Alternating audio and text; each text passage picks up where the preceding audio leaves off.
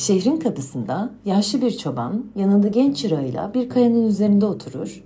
Bir yandan büyük koyun sürüsünü gözler, bir yandan da mekanik el hareketleriyle pazarda sattığı süveter ve çorapları örermiş.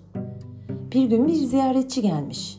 Şehrin kapısında içeri alınmayı bekleyen erkeklerin yanında sıraya girmiş. Ama adam tereddütte görünüyormuş. Çobana yaklaşıp sormuş. Söyle bana yaşlı adam, bu şehri tavsiye eder misin? Buraya yerleşip küçük bir iş kurmayı düşünüyorum. Ama amacıma bu kadar yaklaşınca kalbime bir korku doldu. Bu şehrin insanları nasıldır? Onlara güvenebilir miyim? Geldiğin şehirdeki insanlar nasıldı diye sormuş çoban.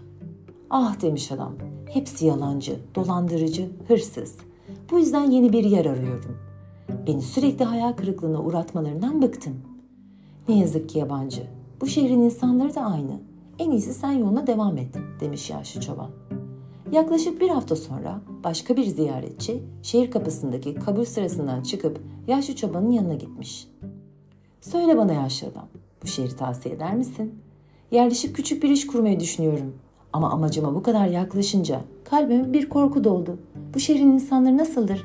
Onlara güvenebilir miyim? Geldiğin şehirdeki insanlar nasıldı diye sormuş çoban. Buna çok üzülüyorum işte demiş adam. Bu dünyanın hiçbir yerinde bu kadar sevgi dolu, güvenilir ve cömert bir çevre bulamam. Bir hafta önce komşularımdan zor ayrıldım ve onları şimdiden özledim. Eh şanslısın yabancı.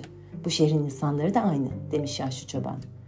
Bu iki konuşmayı da duyan çırağı yaşlı adama sormuş. Neden bu adamlara farklı cevaplar verdin? Şehrin insanları ile ilgili fikrin bir haftada tamamen değişmiş olamaz. Hayır oğlum. Bu adamların her birinin kendilerinin yaşayacakları gerçeği söyledim. Dünya içimizde taşıdığımız korkuların aynasıdır.''